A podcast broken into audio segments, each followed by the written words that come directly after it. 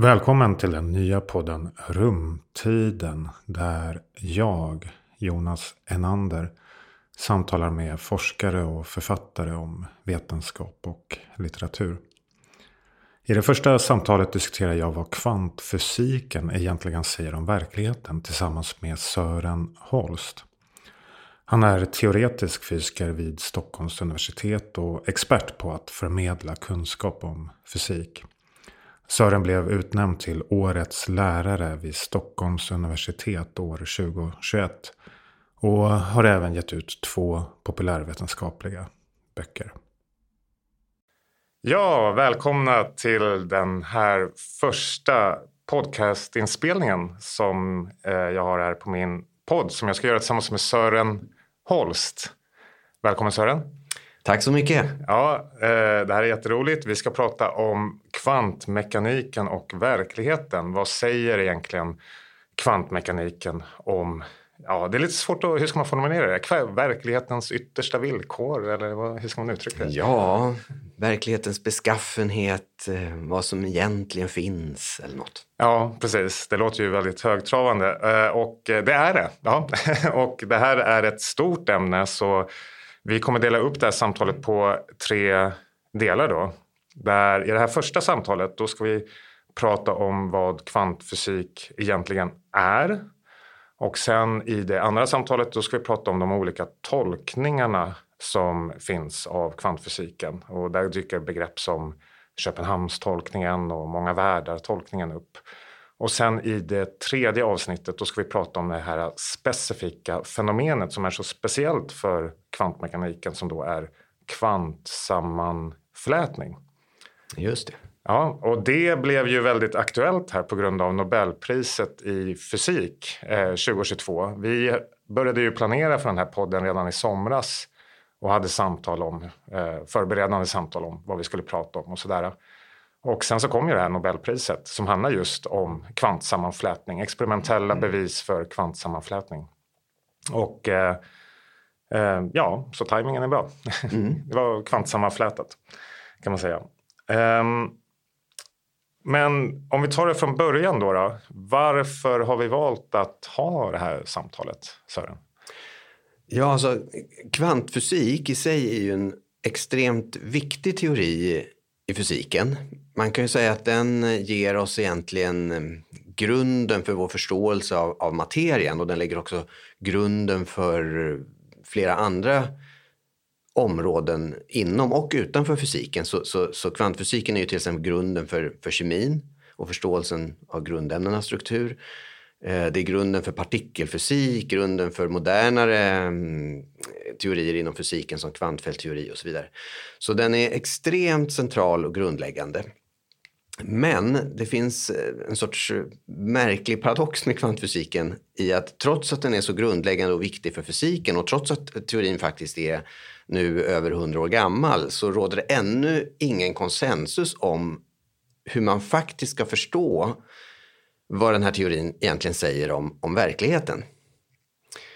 Och ehm, ja, det i sig tycker jag gör det till ett fascinerande ämne att, att uh, diskutera faktiskt. Ja, verkligen. Och eh, som nämndes också när Nobelpriset eh, tillkännagavs här för kvant, de här experimentella testerna av kvantsammanflätning så är ju också de här filosofiska frågorna viktiga för vår teknologi i framtiden, alltså med kvantdatorer mm, som kan vara någonting som kommer spela en större och större roll i vår vardag, eventuellt i framtiden. Sen är också de här filosofiska frågorna om verklighetens beskaffenhet, alltså vad kvantmekaniken säger om det, är relevanta när man går till väldigt extrema förhållanden i naturen. Alltså som frågan om universums tillblivelse eller om alla första ögonblicken i universums historia.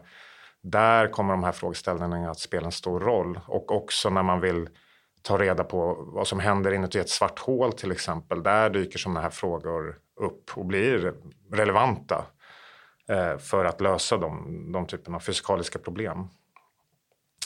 Så det är, ja, kan man säga, det är ju vår motivation då, eh, varför det här är viktigt. Eh, men eh, vad är din eh, personliga motivation, Sören? Ja, alltså det har nog att göra med den här frågan om, som, som jag nämnde där, att eh, va, va, frågan om vad kvantfysiken egentligen säger om verkligheten. Alltså lite generaliserande så kan man säga att det finns två sorters fysiker.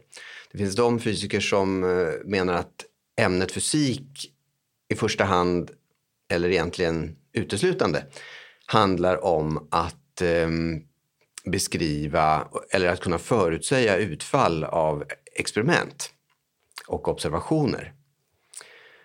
Men så finns det en annan grupp fysiker, och jag tillhör den, den senare gruppen fysiker då, som har lite högre ambitioner än så med fysiken och som istället tänker sig att nej men, eh, fysiken ska också tillhandahålla någon sorts världsbild. Den ska säga något om hur verkligheten egentligen är. Den ska, med ett fint ord, den ska tillhandahålla en, en ontologi. Um, nu visar det sig att just Alltså det finns, det finns märkliga problem i kvantfysiken och konstigheter i kvantfysiken som gör att det är väldigt, väldigt svårt att förstå hur verkligheten kan vara eh, givet att, att kvantfysiken är en så bra teori som den är. Um, så att medan den, den första kategorin fysiker som mest tänker sig att, att uh, fysik handlar om att göra förutsägelser, alltså de är väldigt nöjda med kvantfysik. De, de tänker ja, men eh, det här är så bra det kan bli för det är, det är just en teori som är superbra på att göra korrekta förutsägelser. Jag tror att det är, den är bäst av de moderna teorierna på det rent av. Eh, medan vi andra som, som också vill förstå något om, om hur verkligheten egentligen är beskaffad, vi är mindre nöjda och brottas mer med de här frågorna. Så det är väl min personliga ingång i, i ämnet, skulle jag tro. Just det. Ja, jag håller med där. Jag tänker att när jag själv började läsa fysik så var det bland annat just för att ja, jag ville ju veta vad säger det här om hur verkligheten fungerar. Alltså det fanns ju en liksom, filosofisk drift där någonstans i grund och botten. Så eh, då, det var vår introduktion då. Personligt intresse, filosofiskt intresse och vi har också hört här att kvantfysiken är ju då en experimentellt väldigt väletablerad teori. Men då börjar vi här med att fråga oss vad är egentligen kvantfysik? För det måste vi ju reda, mm. reda ut då. Och det, han, ja, det handlar det här första samtalet om då. Så vad skulle du säga där? Ja, om man ska försöka ringa in det så är det ju alltså de... Det handlar ju om de naturlagar som gäller på de allra minsta skalorna. Så, så vi tänker här alltså på enskilda partiklar, eh, atomer, molekyler, hur de växelverkar, eh, fotoner, alltså ljuspartiklar som vi kommer att prata mer om. Um, om man, ett sätt att ringa in det kan ju vara att nämna några saker som eh, många mm. nog känner till. Alltså, jag nämnde ju redan att det var grunden för kemin. Alltså, de flesta känner till det periodiska systemet. Um, där ju alla grundämnena liksom är inplacerade efter, efter deras ehm, eh, ja, elektronskalstruktur. Och den här strukturen hos det periodiska systemet är något som helt är en konsekvens av, av kvantfysiken. Och andra saker som, som många känner till eller har hört talas om det är radioaktivt sönderfall, i en typisk kvantmekanisk process eller då fotoner, ljuspartiklar som vi kommer återkomma till. Just det, precis. Och, och de exempel du har här det är ju exempel just på fenomen på väldigt små skalor. Men det är ju viktigt att poängtera att kvant Fysik påverkar våra liv i vardagen. Alltså det är ju någonting som bygger upp hela världen runt omkring oss. Så eh, man kan ta ett exempel är om man tittar på solen. Det är någonting vi ser varje dag, den lyser och det är ju bra att den gör det.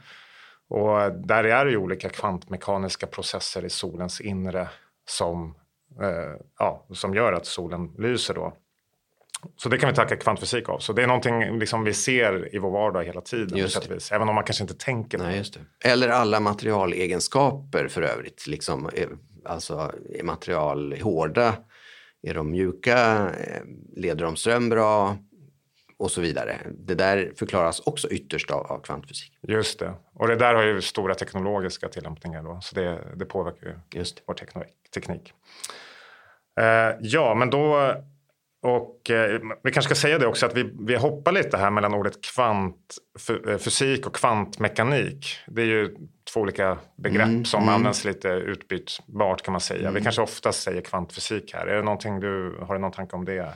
Ja, alltså, eh, kvantmekanik brukar man väl kanske ange när man tänker mer på den teoretiska underliggande ja, själva teorin i sig och kvantfysik är mer alla de fenomen som, som har att göra med det kanske. Men jag gör ingen stor skillnad mellan de begreppen mm, egentligen. Just det, men det här ordet kvant då, vad betyder det? Ja, just det. Och själva ordet kvant, ja det är samma som i kvantitet, alltså en, en, en liten mängd eller en mängd av något. Och eh, ja, det har att göra med att det visar sig att eh, egenskaper och storheter inom kvantfysiken, de kan oftast inte ta kontinuerliga värden som de kan göra inom, inom den klassiska äldre fysiken.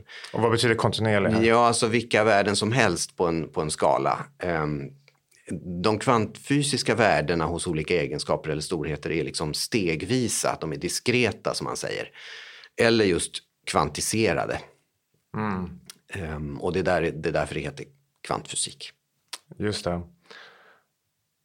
Och om vi tittar på den historiska bakgrunden, då kan, för då kan man fråga sig eh, hur kom folk överhuvudtaget på det här?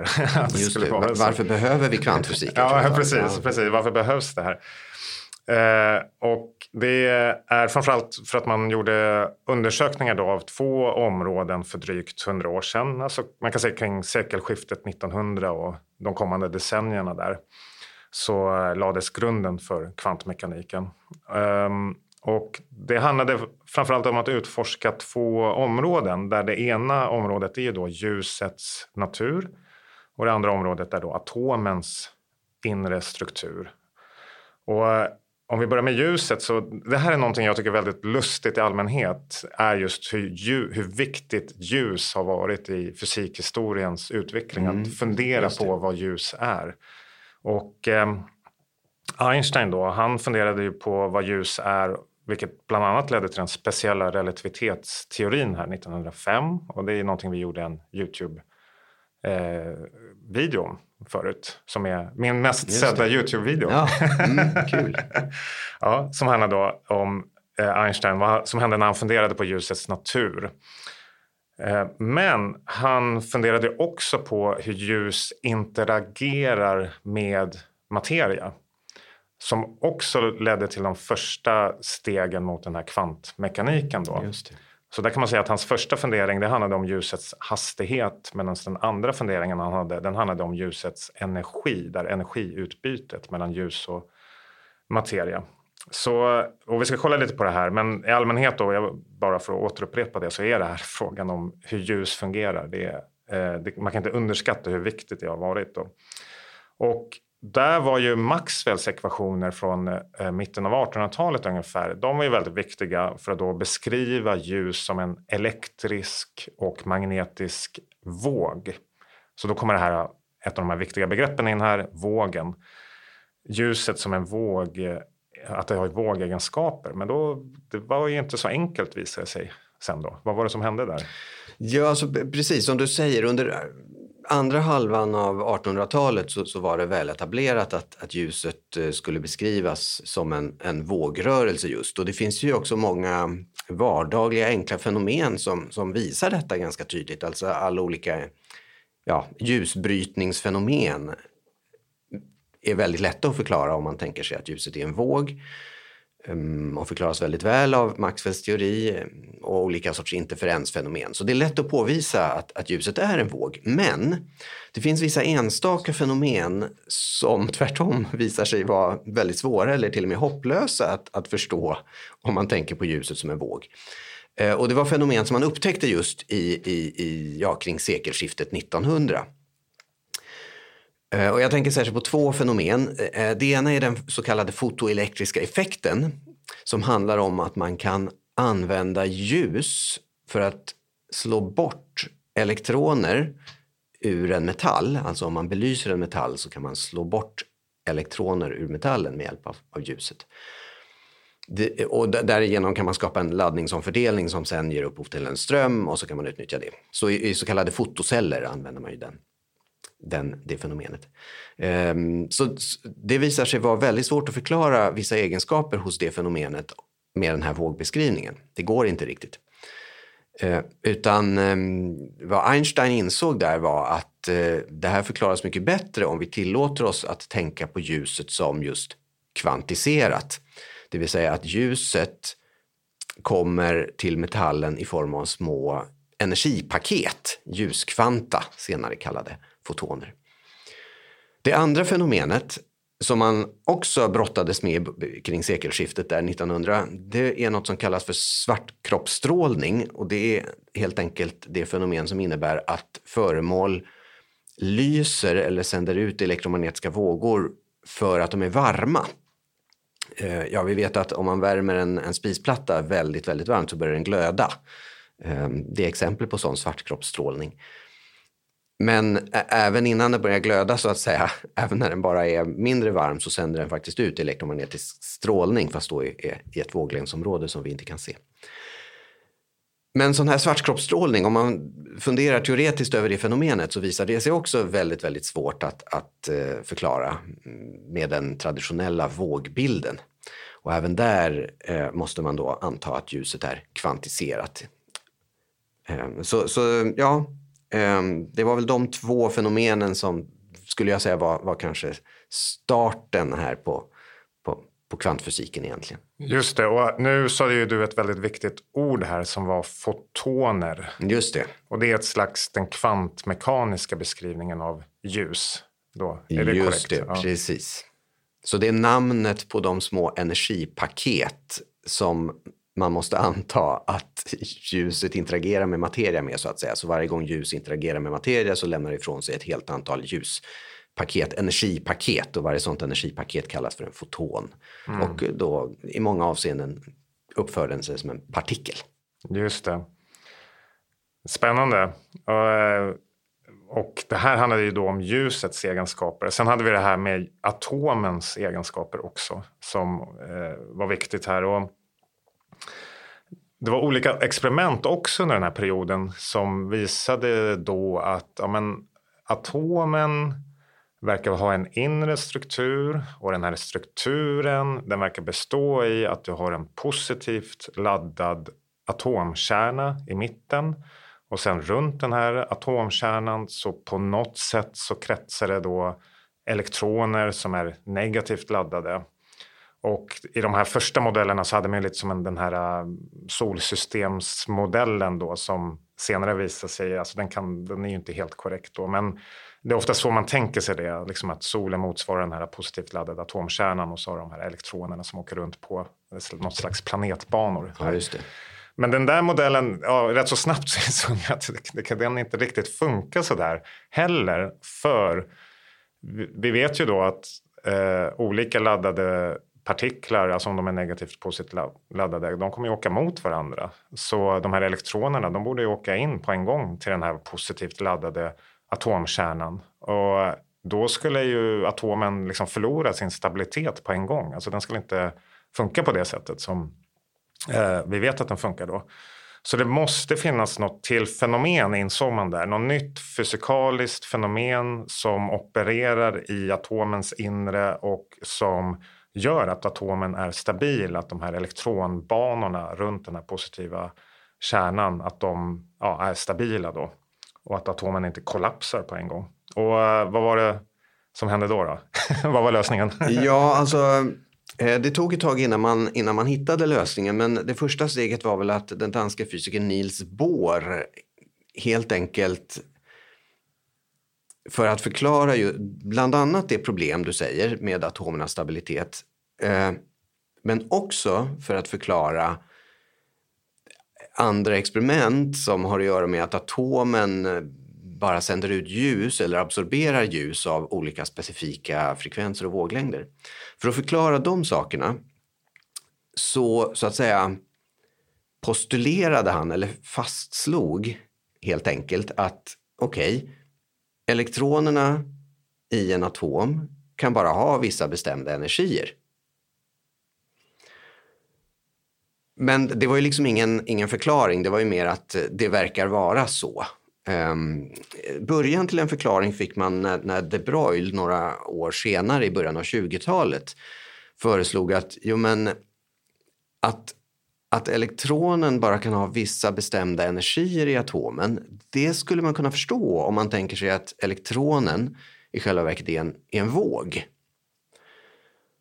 Och en, en, enkel, väldigt grov analogi här det är ju att tänka sig en våg på, på en gitarrsträng. Alltså om man slår an en gitarrsträng Ehm, då ljuder ju den med en viss frekvens för att det får helt enkelt plats ehm, ja, en, en viss våglängd längs strängen. Och sen så kan man också få övertoner på den där strängen eh, om man har så att säga ett helt antal ehm, ja, eh, stående vågor på, på strängen. Man kan få plats givet strängen så kan man få plats med ett visst antal eh, våglängder.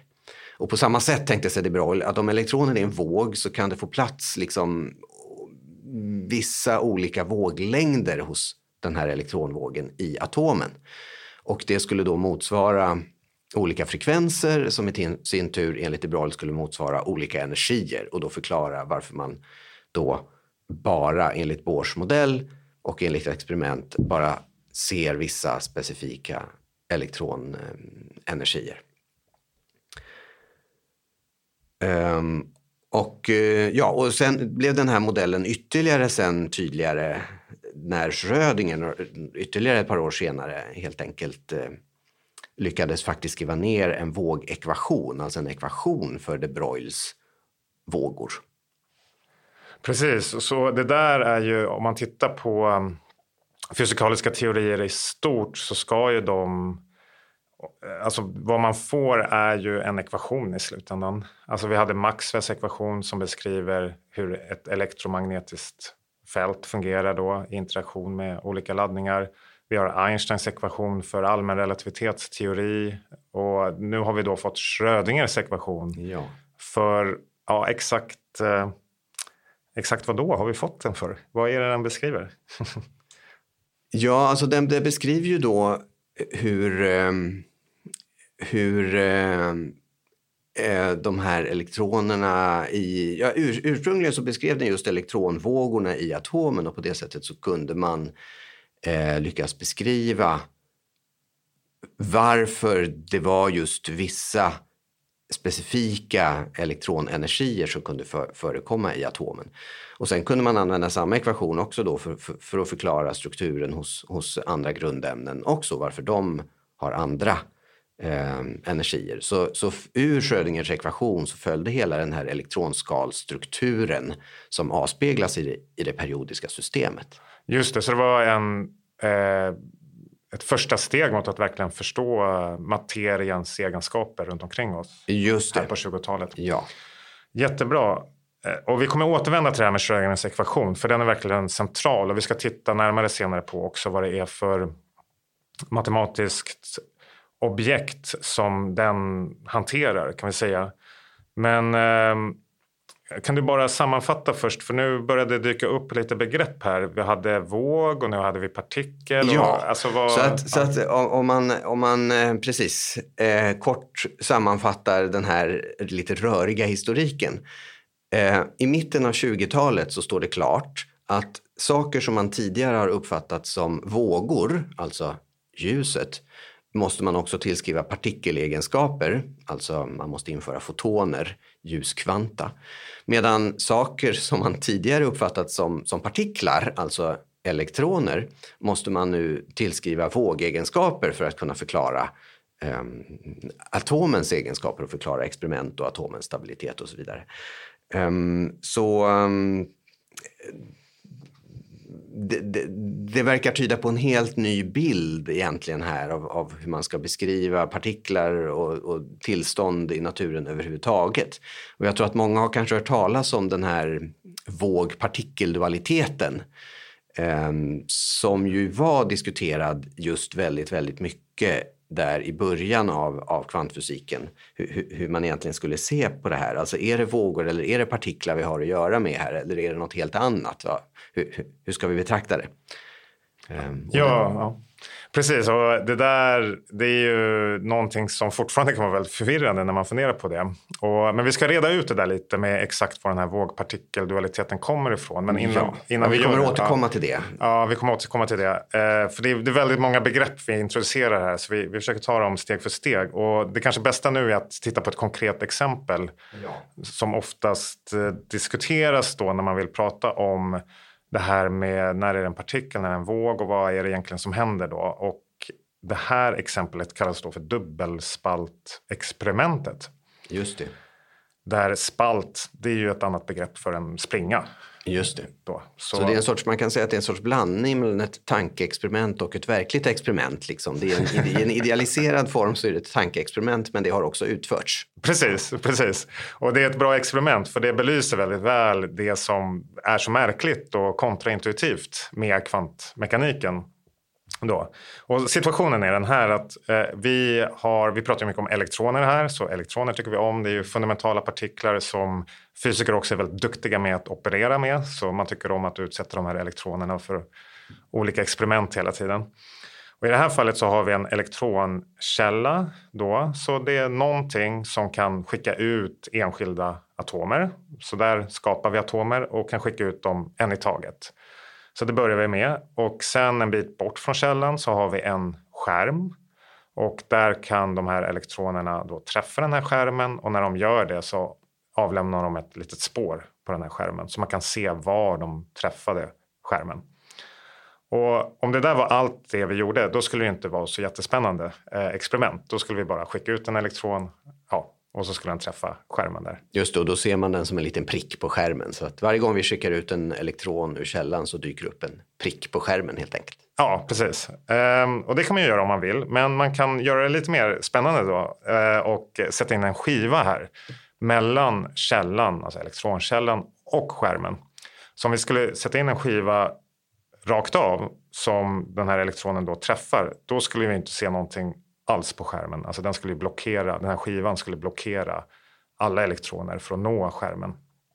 Så vad vi gör är att vi har två stycken springor då i den här skivan, då, eller spalter. Det är därför det kallas för dubbelspaltat. Vi har de här två springorna. Och eh, elektronerna kan ju passera de här springorna då, och så kan de träffa skärmen på andra sidan. Och den stora frågan då, och det är här hela det spännande, märkliga med kvantfysiken kommer, det är bara att fråga sig vad kommer vi se för mönster på skärmen? Alltså var kommer elektronerna att träffa skärmen när vi har den här skivan med två stycken närbelägna springor då. Så de här springorna ligger nära varandra ska vi säga också. Just det, väldigt nära varandra. Två parallella, väldigt tätt liggande springor. Ja. Precis. Och eh, om man då är eh, en klassiskt tränad fysiker, så det här är ett begrepp som kommer dyka upp många gånger också, klassisk fysik versus kvantfysik, där klassisk då betyder ja, fysiken innan kvantmekaniken. Då Newtons mekanik, eh, Maxwells ekvationer. Så om man tänker sig en, en, en fysiker i slutet av 1800-talet. Just det. vad skulle en fysiker i slutet av 1800-talet säga, förutspå angående det här mönstret man kommer se på skärmen? Vad, vad tror du där? Um, ja, alltså en, en, en, en sån klassisk fysiker skulle ju tänka på elektronen eh, som en liten kula, en liten hård kula helt enkelt. Och den här lilla, lilla hårda kulan eh, sen slår ut från den där källan och eh, en del av de här kulorna så att säga träffar den där eh, skivan just där det, de där springorna är så att de kommer igenom springorna helt enkelt. De flesta kommer förstås bara hamna någonstans på, på skivan och inte komma igenom. Men de som kommer igenom springorna de kommer ju gå igenom och hamna på skärmen bakom och eh, ja, lämna sitt avtryck där. Så att på skärmen bakom så bör man ju då rimligen se ett sorts eh, bild av de här två tätt sittande springorna.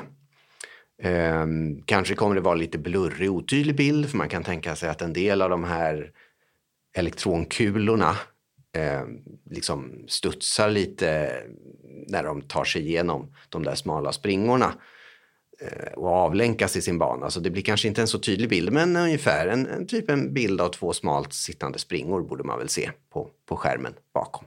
Just det, det är så en klassisk fysiker, fysiker skulle tänka sig det.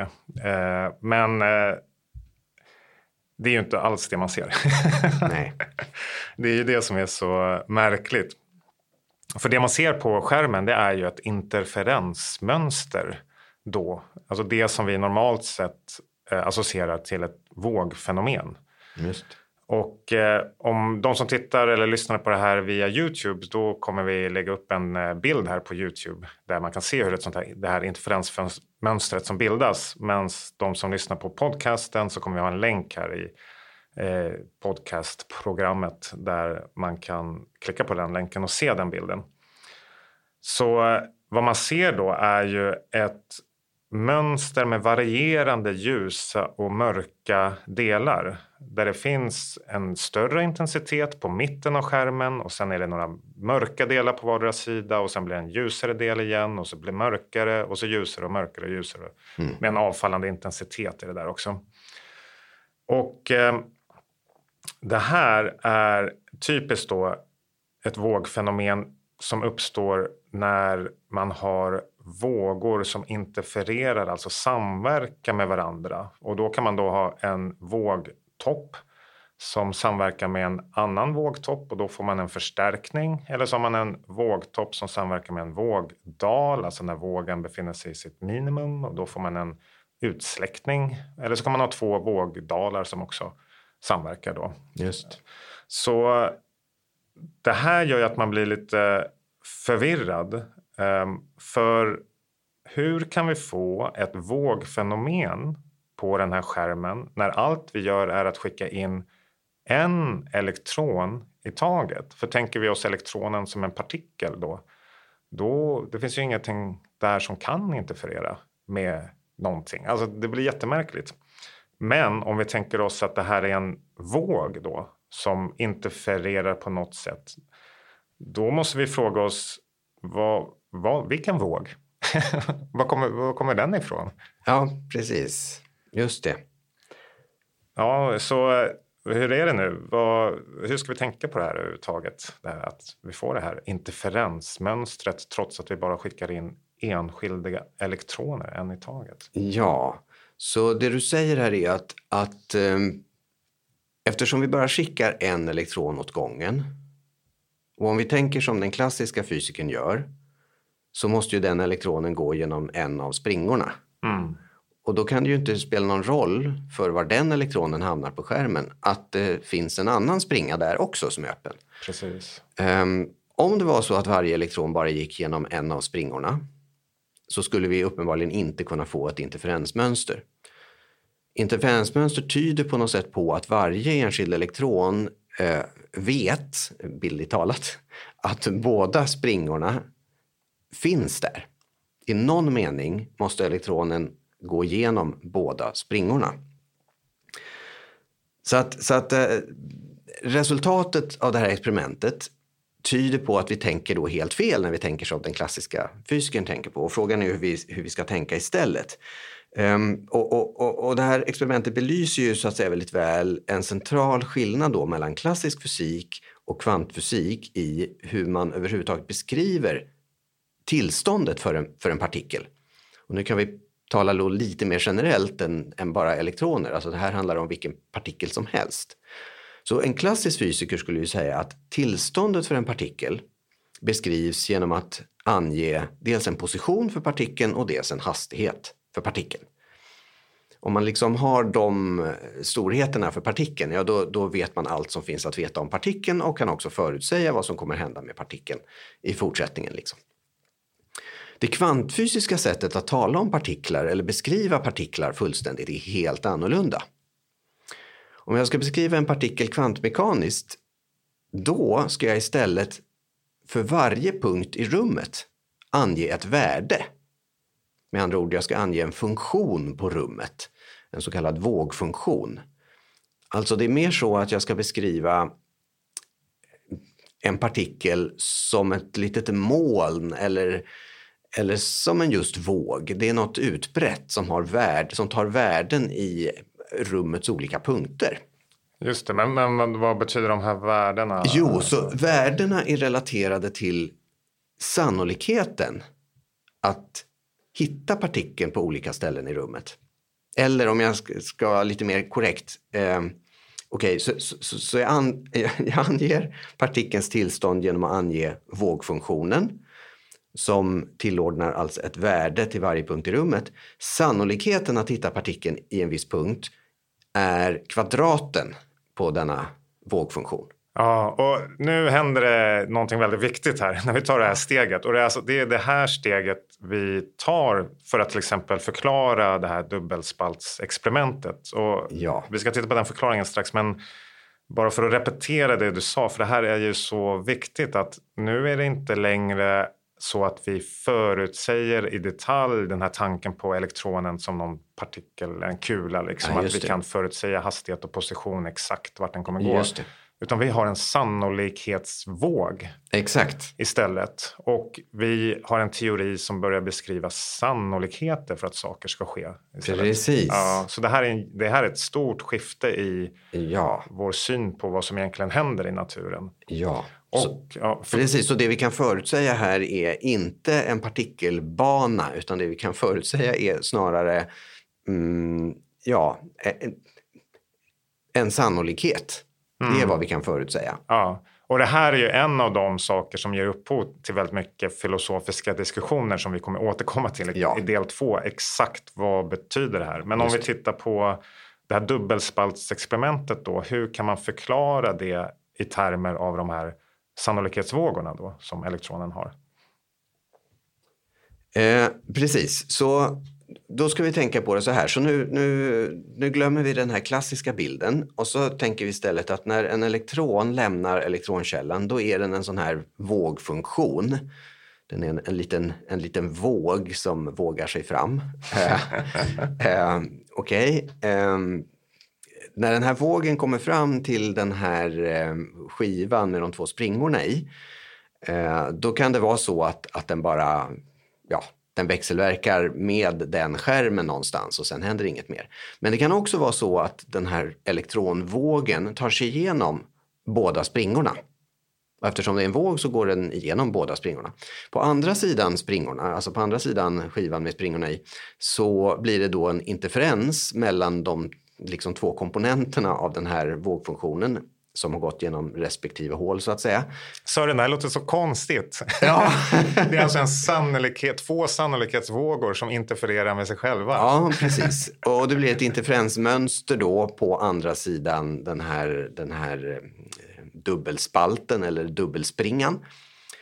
Um, och när den här interfererade vågen kommer fram till skärmen som var då elektronkänslig och kan detektera elektronens position, då utsätter vi den här sannolikhetsvågen för en positionsmätning och i enlighet med det vi sa nyss så kommer då elektronen dyka upp på det ställe där så att säga amplituden hos den här vågen är som störst och den kommer inte dyka upp på de ställen där den är, där den är noll så att säga. Och resultatet blir ett interferensmönster på skärmen, ett konigt interferensmönster Eh, på skärmen. Varje elektron som når skärmen sätter sitt avtryck på ett ställe bara. Ja, men sammantaget så eftersom det är den här sannolikhetsbestämningen som följer de här vågegenskaperna eller vågfunktionen så blir det ett vågmönster när man har många mätningar av elektroner. Just det, så efter att vi har sänt ut hundratals eller tusentals eller tiotusentals eh, elektroner så, så kan vi se att de här prickarna eh, som elektronerna avsätter på, på skärmen, att de bildar det här interferensmönstret. Just det, och det här är ju som du sa i början, det här är inte bara ett tankeexperiment utan det här är ju någonting man har experimentellt visat och inte bara för elektroner utan Just också ja, för andra partiklar. Just det, ja, hur, stort, hur, stort kan man egentligen, hur stora partiklar kan man egentligen göra det här för? Ja, det är det som är så roligt. Så man har lyckats påvisa sådana här interferensfenomen då i den här typen av experiment för molekyler som består av eh, så mycket som 2000 atomer. Så alltså väldigt stora objekt mm, om man tänker i mm. atomära mm, termer. Mm.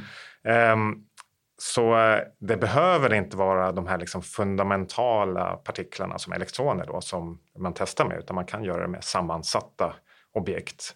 Men det väcker ju förstås en fråga också att okej, okay, om allt är eh, i grund och botten den här sannolikhetsvågen Och vi kan få de här interferensfenomenen. Varför ser, vi liksom inte, varför ser inte jag ett interferensfenomen av dig Sören när jag mm. tittar på dig nu? Och eh, det kan man förklara på två sätt då. Det finns två skäl till det, att vi inte ser det här hela tiden runt omkring oss. Det ena har att göra med det som krävs för att få ett interferensfenomen. Att då vill man ju att den här våglängden som är associerad till de här vågegenskaperna, att den ska vara så stor som möjligt. Ju större den är, desto lättare är det att se ett interferensfenomen. Och de Broglie som vi pratade om innan, han skrev ju ner en formel då för hur stor är våglängden som en funktion av ett objekts eller en partikels rörelsemängd. Och rörelsemängd det är då massa gånger hastighet. Eh, och det där beror då på rörelsemängden och också ett tal som kallas för Plancks konstant. Så där har vi ett annat sånt här begrepp som dyker upp ofta i kvantmekaniken, Plancks konstant, som på något sätt anger någon form av den här kvantiseringsgraden på någon fundamental nivå i naturen. Så vad de Broglie visade då, då, det var att ju lägre rörelsemängd du har, desto större är den associerade våglängden. Och en elektron den har en liten massa och därför har den en liten rörelsemängd och därför har den också en större eller en längre associerad våglängd. Men har du ett tyngre objekt med en större massa, då har de också en större rörelsemängd och då blir den associerade våglängden kortare eller mindre. Och är du med Sören? Ja, just det. Då är det mycket svårare att påvisa ett interferensmönster helt enkelt. För, då, då, för, för, att påvisa det så måste de här spalt, alltså de här springorna måste sitta ännu, ännu tätare och till slut måste de sitta så tätt så att ja, det inte kan vara några springor. Ja, precis, precis. Så för mer massiva objekt så blir det helt enkelt svårare mm. att se interferensmönstret för den här ja. de Broglie-våglängden är alldeles för liten. Just. Men det finns också ett annat eh, problem då om man har mer sammansatta objekt, mer vardagliga objekt. Det är att det är ju själva miljön de befinner sig i, omgivningen. Att eh, där har du har liksom atomer i luften, du har ljus som andra fotoner som åker runt där som också kan interagera med de här objekten och när de interagerar då kan det hända att det selekteras fram vilken väg, det blir som en slags mätning i den här interaktionen som gör att ditt objekt då kommer, eh, det kommer se ut som att den tar en eller den andra spalten då på den här vägen mot skärmen. Just det. Man kan väl uttrycka det som att den här elektronvågen som vi pratade om som passerar den här dubbelspringan. För att det ska funka så måste den liksom förbli ostörd eh, hela vägen från källan till detektionsskärmen. Eh, den får liksom inte mm, krocka med någon eh, liten luftmolekyl eller någon ljuspartikel eller något sånt. Eh, ja. För då, då, då förstörs hela experimentet. Och det där blir förstås mycket svårare att garantera ju större partiklarna är som man arbetar med. Precis, precis. Och, så det där gör att för att se de här mer subtila kvantmekaniska interferenseffekterna så är det då lättare att göra det med elektroner och andra enskilda partiklar. Men eh, det här väcker också en väldigt viktig fråga. För när vi hade den här 1800-talsfysiken som vi pratade om innan, det vi kallade för klassisk fysik. Mm. Det gick ju väldigt bra att göra fysik förr i mm. tiden. Att mm. förutspå liksom hur olika bollar flyger i luften och eh, liksom olika, också olika ljusexperiment som man gjorde kunde man förklara väldigt väl. Andra experiment då. Så det här att använda klassisk fysik för att beskriva världen fungerar bra trots att världen i grund och botten är kvantmekanisk. Och då måste man ju ställa sig frågan var går den här gränsen mellan den kvantmekaniska världen och när den liksom börjar se ut mer som den här klassiska fysikens värld. Och det där är en jätte viktig fråga faktiskt som är lite svår fortfarande att besvara i detalj och som, mm. där det också finns lite olika skolor ja. kring det. Men, men om vi stannar där, vad skulle du säga är liksom den viktigaste skillnaden mellan klassisk fysik och kvantmekanik eller kvantfysik? Ja, jag skulle nog säga att det har att göra med att när vi beskriver system kvantmekaniskt så är det alltid obestämdheter inblandade på ett sätt som det inte är i den klassiska fysiken. Ehm, alltså i klassisk fysik så kan vi också eh, ha obestämdheter i den mer triviala meningen att vi, vi är osäkra på olika egenskaper hos ett system. Så att eh, om vi har en partikel till exempel så kanske vi inte alltid vet exakt var partikeln är och då kan vi säga att ja, den, det är osäkert var partikeln är.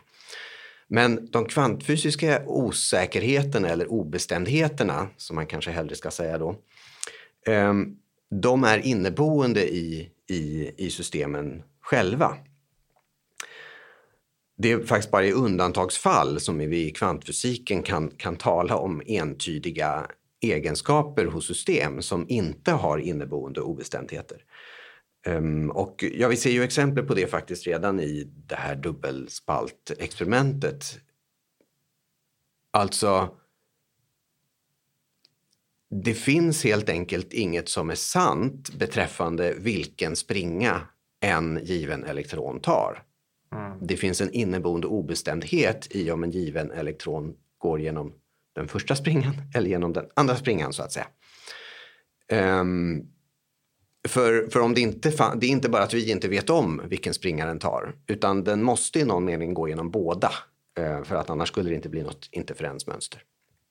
Och den typen av osäkerheter är så att säga, ja, den, den finns överallt i kvantfysiken. Mm, just det. Och det där, det är också då en fråga vad, vad är vårt fundamentala objekt, matematiska objekt som vi använder då för att beskriva en partikel. Och ja, det är ju den här vågfunktionen då. Och där skiljer det sig att i, om man formulerar det du sa på ett lite annat sätt, att i klassisk fysik så har vi position och hastighet och det är två var för sig oberoende variabler liksom, som beskriver en partikels rörelse genom rummet. Och vi har ekvationer för att beskriva det. Men i kvantmekaniken då, om vi har bara vågfunktionen som beskriver de här sannolikhetsegenskaperna. Det är ju från den sen som vi måste härleda ja, var är det mest sannolikhet att vi har en position, var är, vilken hastighet är det mest sannolikhet att vi har. Men det är inte vågfunktionen i sig som vi sen mäter då. Så där är också en skillnad, eller liksom en diskrepans mellan vår fundamentala matematiska nivå och vad vi sen Just mäter. Det. Så, så i klassisk fysik, det du säger är att i klassisk fysik så, så den matematiska beskrivningen handlar precis om de saker vi mäter. Ja. Läge, hastighet, partikelbanor och så vidare. Medan i kvantfysiken så, så är det jättestor skillnad mellan de fundamentalt matematiska, de fundamentala matematiska begreppen som, som beskriver fysiken och de storheter som vi mäter. Det är liksom ett stort steg däremellan och det, det är ja. något helt nytt också. Precis, och det är ju det glappet som man den här frågan väcks, men vad är då verkligt? Exakt. ja. Som vi kommer att återkomma till. Men eh, vi ska gå in på ett till begrepp här. I just den här obestämdhetsrelationerna som du pratar om här, den här slags fundamentala obestämdheten som verkar finnas där. Det är då till exempel vi kan börja förstå, dels vi pratade om vågpartikeldualiteten tidigare, men vi kan också förstå det som kallas för Heisenbergs osäkerhetsrelation som är en sån där annan väldigt berömd term. Då, Precis, ja. Um, um, och, och, det är ju... Precis. Så det är en, en relation som säger att... Ja, det ger en relation mellan obestämdheten i läge och obestämdheten i hastighet eller rörelsemängd. Men låt oss säga hastighet, det är enklare. Um, så att på så sätt att, att eh, både positionen och hastigheten kan inte vara säkra, välbestämda samtidigt. Eh, så om du till exempel vet exakt var en eh, elektron befinner sig just nu, då vet du ingenting om dess hastighet. Vilket dessutom implicerar att i nästa ögonblick kommer du inte alls veta var den befinner sig heller eftersom då kommer den ha åkt iväg åt något, mm. åt något håll som du inte har koll på. Om du å andra sidan vet exakt vilken hastighet en elektron har, då har du ingen aning om var, var den befinner sig. Mm. Eh, nu, det, nu visar det sig att den här obestämdhetsrelationen då mellan, mellan os, ja, obestämdheten i läge och obestämdheten i hastigheten det är egentligen en direkt konsekvens av den här vågbeskrivningen som vi talade om.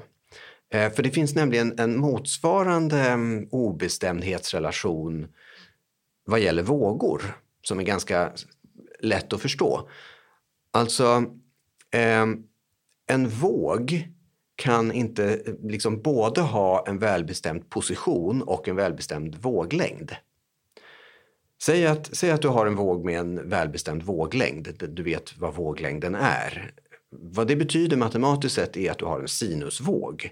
Det, det är en våg som har en välbestämd våglängd. Men en sinusvåg är ju utsträckt över liksom hela, ja, hela, hela talaxeln så att säga. Mm. Eh, så då är positionen helt obestämd. Om vi tänker oss alltså, som en slags idealiserad matematisk beskrivning med hela talaxeln så har en sinusvåg som då går upp och ner där. Ja. ja, precis. Men så om du istället vill använda vågbeskrivning för, för att beskriva något mer lokaliserat som är ungefär på ett ställe i alla fall. Då måste du beskriva det med hjälp av ett så kallat vågpaket. Um, då är det liksom en matematisk funktion som är lite vågig bara på ett ställe mm. ungefär. Eh, och sen så är det noll utanför det. Men det visar sig matematiskt att ett sånt vågpaket är i själva verket eh, uppbyggt av många olika våglängder. Och ju, ju, ju, ju mindre, alltså ju mer lokaliserat det här vågpaketet är, desto större intervall av våglängder är det uppbyggt av. Mm.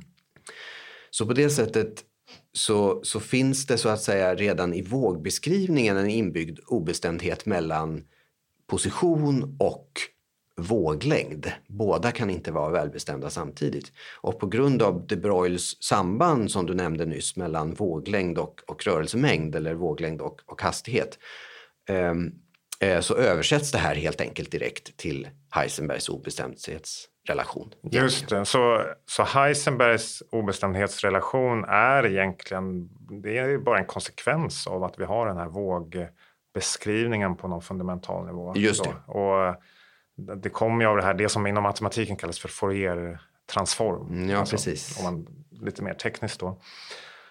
Och, men det är viktigt att poängtera då att det handlar inte, den här Heisenbergs osäkerhetsrelation handlar inte om en brist i vår mätapparat. Utan det handlar om någonting fundamentalt i beskrivningen. Det är en inneboende obestämdhet i tillståndet hos elektronen. Ja, just det.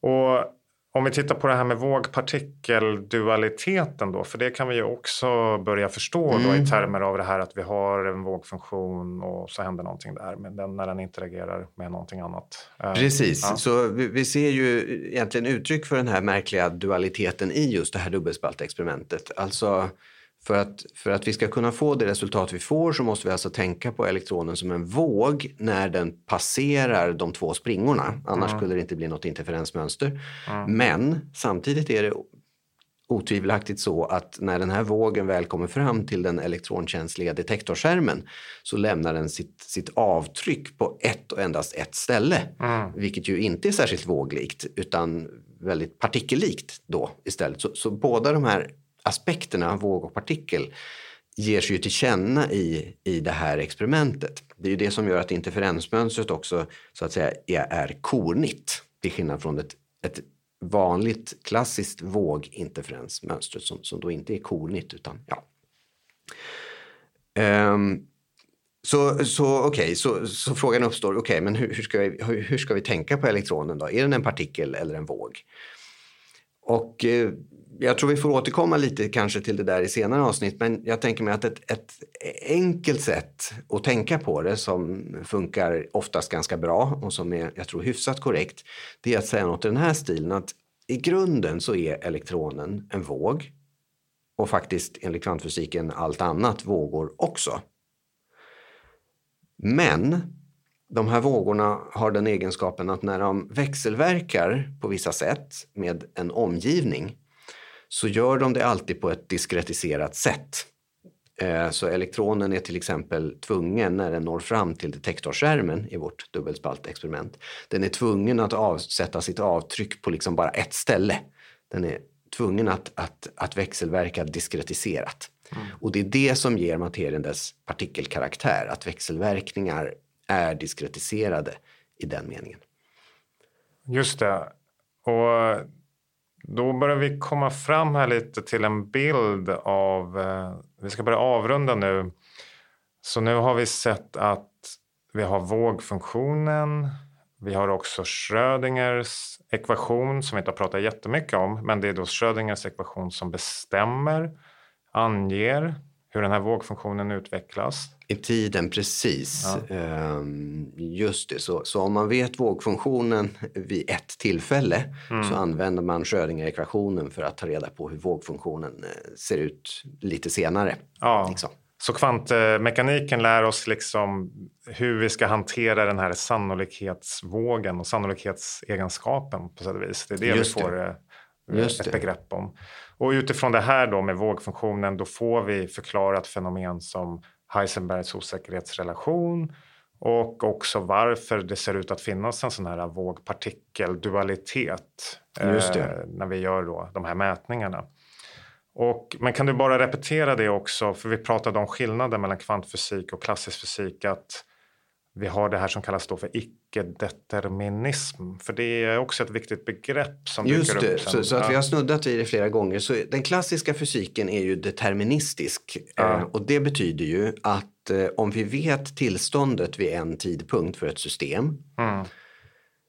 Då kan vi i princip räkna ut tillståndet hos systemet vid alla senare tidpunkter också. Mm. Så att vi, kan, vi har en perfekt förutsägelseförmåga givet teorin och givet perfekt kunskap. så att säga. Mm. Eh, klassisk fysik är deterministisk i den meningen. Medan kvantfysiken är då icke-deterministisk. Eh, som, vi, som vi har nämnt, det man förutsäger i kvantfysiken är inte exakta egenskaper utan det är sannolikheter för olika egenskaper. Så att det finns en inbyggd slumpmässighet i fysiken som är helt ny, som inte alls fanns där i den klassiska fysiken. Mm. I den klassiska fysiken så kunde man ju också ha slumpmässiga processer men då kunde man alltid förklara dem med att ja, men det är bara att vi inte har tillräcklig koll, vi vet inte. När jag kastar en tärning så, så ser det slumpmässigt ut men om jag bara visste exakt hur jag rörde handen, exakt hur vindarna blåste i rummet där jag kastade tärningen, eh, exakt hur tärningen lämnade min hand, exakt hur bordskivan såg ut där eh, tärningen landade så skulle jag egentligen kunna förutsäga exakt vilket nummer, vilken siffra som skulle komma upp på tärningen. Um, medan, medan kvantfysiken då i princip uh, inte har den förutsägelseförmågan inbyggd i sig. Mm. Uh, så det är en viktig skillnad och en, en skillnad som uh, lär ha stört Einstein en hel del och föranlett uttalandet Gud spelar inte tärning. Just det, och, det här, och det, man kan ju förstå varför. För det här innebär ju verkligen ett fundamentalt skifte i fysikens ambition och mål och vision ja. om vad det egentligen man ska lyckas åstadkomma. Just det. Att liksom innan så tänkte man sig att, ja, som du sa, att om vi bara har en väldigt, väldigt bra kunskap om hur tillståndet ser ut just nu mm. så kommer vi med 100 eh, chans då mm. kunna förutspå hur det kommer se ut vid ett senare tillfälle. Men så kommer då kvantfysiken här och säger att nej, nej, nej, nej, nej. vi mm. kommer inte alls kunna förutspå exakt hur det kommer se ut vid ett senare, tillställ, eh, senare tillfälle. Ni kommer bara kunna förutspå sannolikheterna för olika utfall Precis. vid ett senare tillfälle. Just det. Ja, och då försvinner ju den här drömmen att kunna ha total eh, ja, förutsägelseförmåga. Så är, är det som att fysikerna liksom lite tappar eh, kontrollen om, om vad de håller på med och greppet om framtiden, greppet om världen här? Liksom. Hur? Ja, och, och, men det är också intuitivt kanske svårsmält. Alltså, ett annat exempel eh, på den här icke-determinismen det är ju radioaktivt sönderfall. Så att om, om, man har en instabil atom, en instabil atomkärna så vet man kanske att sannolikheten att den ska sönderfalla inom loppet av, säg en timme, är något visst, säg 50 procent. Um, och enligt kvantfysiken är det allt som finns att veta om atomen, att den inom den närmaste timmen har den här sannolikheten att sönderfalla. Intuitivt så känner vi att ja, men det måste ju finnas Alltså, vid ett tillfälle så kommer atomen plötsligt att sönderfalla. Och intuitivt känns det som att ja, men det måste ju ha varit någonting hos atomen som initierade det sönderfallet just då. Vi, vi vill liksom gärna tänka att det fanns någon deterministisk orsak till det som hände. Men enligt kvantfysiken så, så finns det inte det helt enkelt. Det är en, en fråga om ren slump när den här atomen sönderfaller. Mm. Och det, men det är ju där man ställer sig då den rimliga frågan. Ja, men det kanske inte är en komplett beskrivning kvantfysiken. Det kanske finns några hemliga dolda variabler som inte vi har kontroll eller förstår som opererar där på någon an, ännu mer fundamental nivå. Det. Ja. Mm. Men det som är så intressant där är att där går det ju faktiskt att säga någonting om de här eventuella dolda variablerna och det är det som årets Nobelpris i fysik då delvis handlade om. Just det. Men det ska vi spara till senare och eh, vi ska avrunda nu. För vi har eh, kommit till slutet av det här avsnittet eh, om ja, vad är kvantfysik och i nästa avsnitt då kommer vi fortsätta att gå in ännu mer på djupet och se vilka tolkningar av allt det här som vi har pratat om, vad betyder det egentligen? Men det som var spännande då var ju att vi började i, ja, kring sekelskiftet 1900 och då hade man funderingar om ja, vad är ljusets egenskaper? Hur, ser, hur fungerar egentligen atomens inre? Och ju mer man borrade sig in i de här frågorna desto mer öppnades sig det ju upp en värld då med de här egentligen väldigt ja, annorlunda, kontraintuitiva mm. egenskaperna där vi har den här vågfunktionen som det centrala objektet och vi har Schrödinger-ekvationen som beskriver hur den här vågfunktionen utvecklas i tiden och vi har den här fundamentala icke-determinismen i verkligheten på något sätt. Men det finns någonting till som vi inte har pratat om som vi ska börja prata om i nästa avsnitt och det är det här mätningen. Att, ja. Vi, ja, att vi utför mätningar ju på system. Och eh, hur kan det ha, för det är då det kommer in sådana här begrepp som vågfunktionens kollaps. Mm. Och att vi faktiskt går från den här virtuella sannolikhetsvärlden till ett konkret utfall. Och det där väcker ju en väldigt stor fråga om mätningens roll. Ehm, så innan eh, vi avslutar, är det någonting du vill tillägga? Eh, Sören, som du tänkte på? Nej, jag tror att vi har kanske fått med de mesta sakerna eh, nu. Men eh, ja, mätproblemet blir en spännande utmaning eh, till nästa avsnitt. Ja, och då kommer vi också att stifta bekantskap med en av fysikhistoriens allra mest kända djur som är mm. Schrödingers katt. Just det. så mer om det nästa gång. Tack så jättemycket Sören för det här samtalet. Det var jätteroligt och mm. spännande mm. att reda ut det här. Ja, tack. Tack. Så, nu får vi äta bulle. Ja. Herregud. Ska vi trycka på någon knapp? Där? Ja, det är absolut första vi ska göra. nu ska jag trycka på rätt knapp och hoppas att det här... Men den verkar ha spelat in allting. Så, då trycker jag på stopp.